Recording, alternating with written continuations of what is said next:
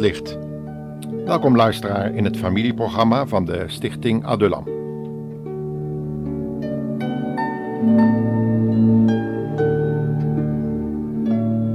Het thema voor vandaag is Gezagscrisis 2000. En het gaat over de toenemende rebellie tegen gezagsdragers en hoe de Bijbel daar tegenover staat.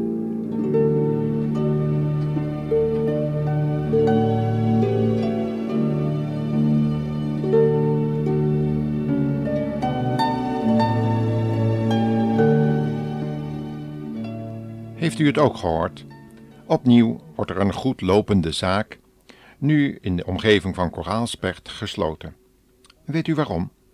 Bijna elke nacht breken chollers in en grissen weg wat er maar weg te halen is. Om toch maar weer een beetje drugs te kunnen kopen voor een nieuwe shot.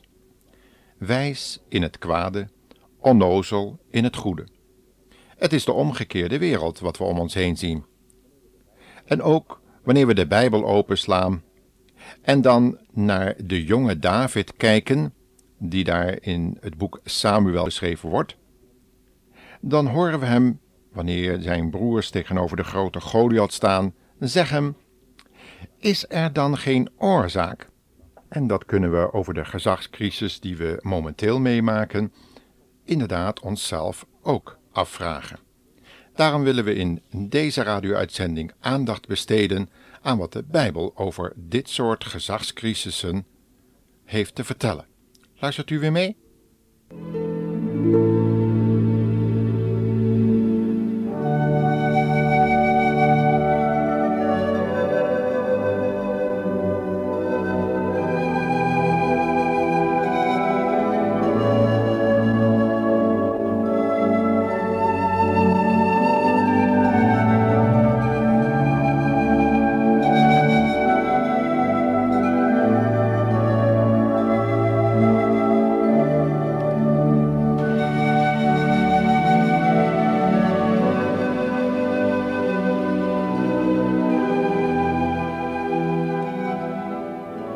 Voor de oude en beproefde apostel Paulus een bedroefd vergezicht geweest zijn toen God hem de situatie vlak voor de tweede komst van de Heer Jezus liet zien. Hij moet zich als de profeet Ezekiel gevoeld hebben, waarvan in Ezekiel 2 vers 10 staat geschreven: En hij, God, spreidde een boekrol voor mijn aangezicht uit. Zij was beschreven van voor naar achter, en daarin waren klaagliederen zuchting en weeën opgetekend. Die profeet was ook bitter bedroefd vanwege het gezicht van de eindtijd, maar hij voelde dat Gods hand op hem was en dat troostte hem. Ook Paulus heeft deze troost ervaren, mede door de hoop die hem gegeven was over het goede afloop van de toekomst. Hij wist zeker dat uiteindelijk de Heer Jezus zou overwinnen, en dat geloof gaf hem de moed om lijden, verdrukking, steniging, smaad en vervolging te ondergaan. Zo'n geloof hebben ook wij nodig, beste luisteraar, als we om ons heen het geweld en de dreigende anarchie zien komen en de toenemende normvervagingen om ons heen gaan opmerken. Laten we nog eens citeren wat Paulus aan de verontruste Timotheus schreef in de tweede brief, 2 Timotheus 3, vers 1. En proberen te ontdekken waarom die jonge Timotheus ondanks zo'n trieste en schijnbaar ontmoedigende brief, het er toch niet bij liet zitten. Paulus schreef het volgende. Je moet weten, Timotheus, dat het in de laatste dagen voor de christenen erg moeilijk zal worden. Want de mensen zullen alleen maar van zichzelf en van hun geld houden. Ze zullen verwaand en protserig zijn, ze zullen God belachelijk maken en hun ouders ongehoorzaam zijn, ondankbaar en door en door slecht. Ze zullen ook hatelijk en koppig zijn, roddelen, ruzie maken en een lage moraal hebben, bruut en wreed en met mensen spotten.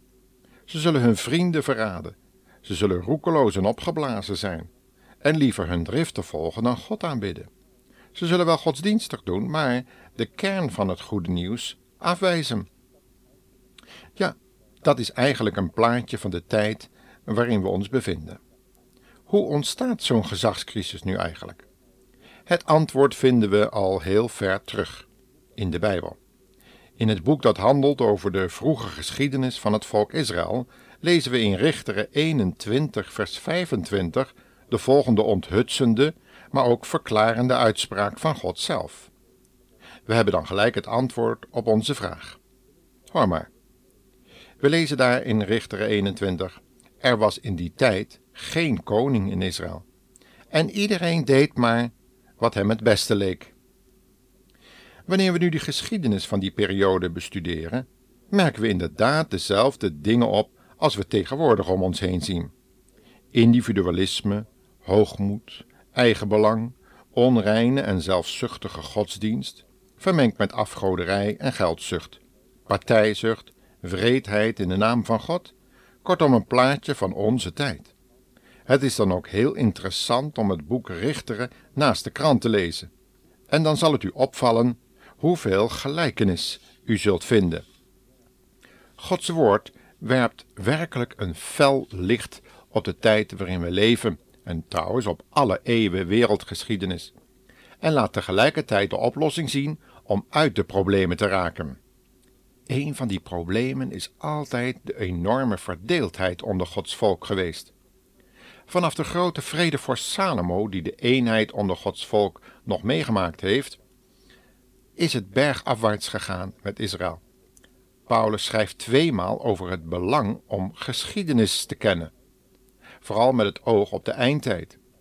Want daar, in die ervaringen van het volk Israël met name, ligt de sleutel voor alle grote wereldproblemen en hun oplossing. Maar ook die van u en mij. Paulus kende heel goed zijn eigen geschiedenis als Benjamiet, en die geschiedenis gaf veel stof tot verootmoediging. Was het niet door eigenzinnigheid, hoogmoed, wreedheid en zedeloosheid van zijn stam geweest dat ze bijna waren uitgeroeid? Vandaar dat hij kan schrijven: Dit is hun allemaal overkomen tot een voorbeeld voor ons, en het is opgetekend ter waarschuwing voor ons over wie het einde van de eeuwen is gekomen. De Fariseeën hadden deze geschiedkundige sleutel van de kennis voor het volk weggenomen. Ze wensten de wandaden van hun voorgangers niet te herinneren, maar daarvoor in de plaats hadden ze het volk een sleutel gegeven die tot persoonsgebondenheid en huichelarij leidde. En dat is nu juist iets wat we zien gebeuren in veel kerken. Maar de ware sleutel is te vinden in alle woord dat van de mond Gods uitgaat. De Heer Jezus zelf is die sleutel. Tegenwoordig vinden we een streven om alle verdeeldheid onder christenen, en trouwens tussen alle godsdiensten in de hele wereld, op te lossen door naar eenheid te streven. Maar dat is een eenheid buiten het woord van God en buiten de persoon, de unieke persoon van de Heer Jezus zelf om. Eenheid van geest kunnen we alleen vinden door in het licht te wandelen van de Bijbel, van de Heer Jezus zelf, en naar Hem te luisteren. En dan komt er uiteraard een moment dat we ons moeten afzonderen van duisternis. En zonde en duisternis horen bij elkaar. Daarom bad de Heer Jezus ook dat de eenheid die er tussen Hem en Zijn hemelse Vader te vinden is, ons deel zou worden. En dat is een heel andere eenheid dan die de mensen tegenwoordig willen bewerkstelligen door maar te zwijgen over verschilpunten. Dat is geen werkelijke eenheid. Dat is het licht wat, waar Paulus over spreekt, namelijk de engel des lichts. Maar hij bedoelt daar de Satan mee, die we ook vinden aan het eind van vele bijna doodervaringen. Een donkere tunnel met aan het eind een heerlijk licht. Maar is dat het licht van de Heer Jezus zelf?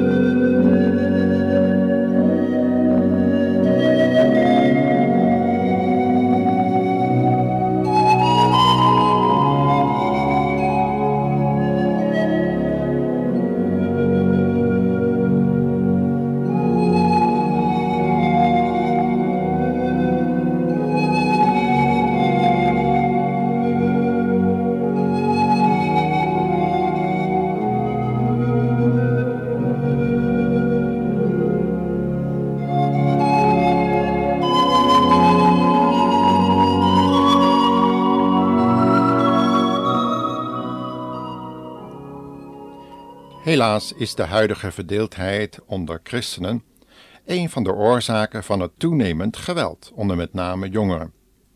Wanneer de jeugd namelijk de christelijke hoop op de toekomst ontneemt, niet alleen de toekomst van de nieuwe hemel en aarde, maar ook hoop voor het heden, dan blijft hun niets anders over dan massaal te denken en te doen. Laat ons toch eten, drinken en vrolijk zijn, want morgen sterven we toch. U kunt dat lezen in 1 Korinthe 15, vers 32, waar het gaat over de opstanding. Paulus verklaart tegenover de valse leraars in Korinthe, die leerden dat er geen opstanding uit de doden was en dus ook geen christelijke hoop kenden, dat zij juist de oorzaak waren dat de mensen er maar wat op losleefden, juist met het oog op de uitzichtloze situatie waarin ze zich bevonden. De wereldgeschiedenis kent momenten dat mensen zich overgaven aan sterke drank en seksualiteit, terwijl de vijand aan de poort stond om hen te vernietigen. Dat gebeurde onder andere in de tijd van Daniel, die het voor ogen zag gebeuren. Lees maar eens na in Daniel 5. Wat kunnen we toch veel leren uit de geschiedenis? Jongeren merken heel goed op of een zichtbare eenheid werkelijkheid is of schijn. Wanneer ze oprechte zoekers naar waarheid zijn, merken vele jongeren op hoe huigelachtig mensen soms bezig kunnen zijn met al die zogenaamde pogingen tot eenheid. Vaak verstaat men onder eenheid een afwezigheid van strijdpunten. Men gaat ze liever uit de weg door erover te zwijgen en te zoeken naar gelijkgestemden. Maar dat is struisvogelpolitiek. Het is een kunstmatige eenheid. Helaas berusten veel sociale, politieke en christelijke werkers in deze kunstmatige eenheidsbewegingen. Maar de enige die hier verandering in kan brengen is de Heilige Geest van God zelf. Niet de Christusgeest die van boven in dit uh, Waterman-tijdperk naar beneden zou gekomen zijn om eenheid onder de mensen te brengen. Nee, het is de Heilige Geest van God, waar de Heer Jezus van vervuld was. En die geest werkt door middel van het woord en plaatst ons in het licht van God. En daar past geen duisternis bij en ook geen zonde. Wanneer we weer Gods woord gaan bestuderen en de Heer Jezus werkelijk Heer laten zijn in ons hele leven, en we de afgoderij wegdoen, haat beleiden, onze geldzucht veroordelen en onze motieven opnieuw laten doorlichten, dan kan Gods woord opnieuw ons hart en geweten doordringen. In Hebreeën 4, vers 12 en 13 staat: Het woord van God is vol van kracht en leven. Het is scherper dan het scherpste zwaard. Het dringt in één keer door tot onze diepste gedachten en verlangens en snijdt alle delen los. Het laat zien wie en wat wij werkelijk zijn. God weet alles over iedereen. Alles in en om ons ligt open en bloot voor zijn ogen. Niets kan verborgen blijven voor Hem, aan wie wij verantwoording schuldig zijn, voor alles wat wij hebben gedaan.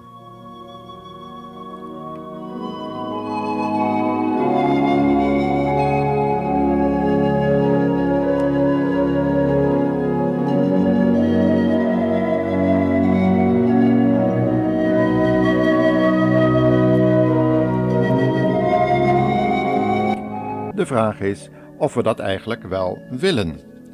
Als we de situatie om ons heen goed in ogenschouw nemen, dan moeten we tot actie komen. Anders zijn we de naam van christen niet waard en beledigen we de naam boven alle naam, de naam van onze heiland en Heer Jezus Christus. Wanneer u verontrust bent om de normvervaging om u heen en zich ook afvraagt hoe die gezagscrisis tot stand kon komen, vraagt u dan eerst eens af of u zelf wel de norm kent die God in zijn woord en in ons geweten gelegd heeft. Wanneer u deze goddelijke norm nog niet kent, ga dan naar Johannes 11, vers 50 tot 32 en Johannes 19, waar Gods oordeel over onze zonden op zijn zoon losgelaten werd op het kruis van Golgotha. Hij stierf voor u en voor mij.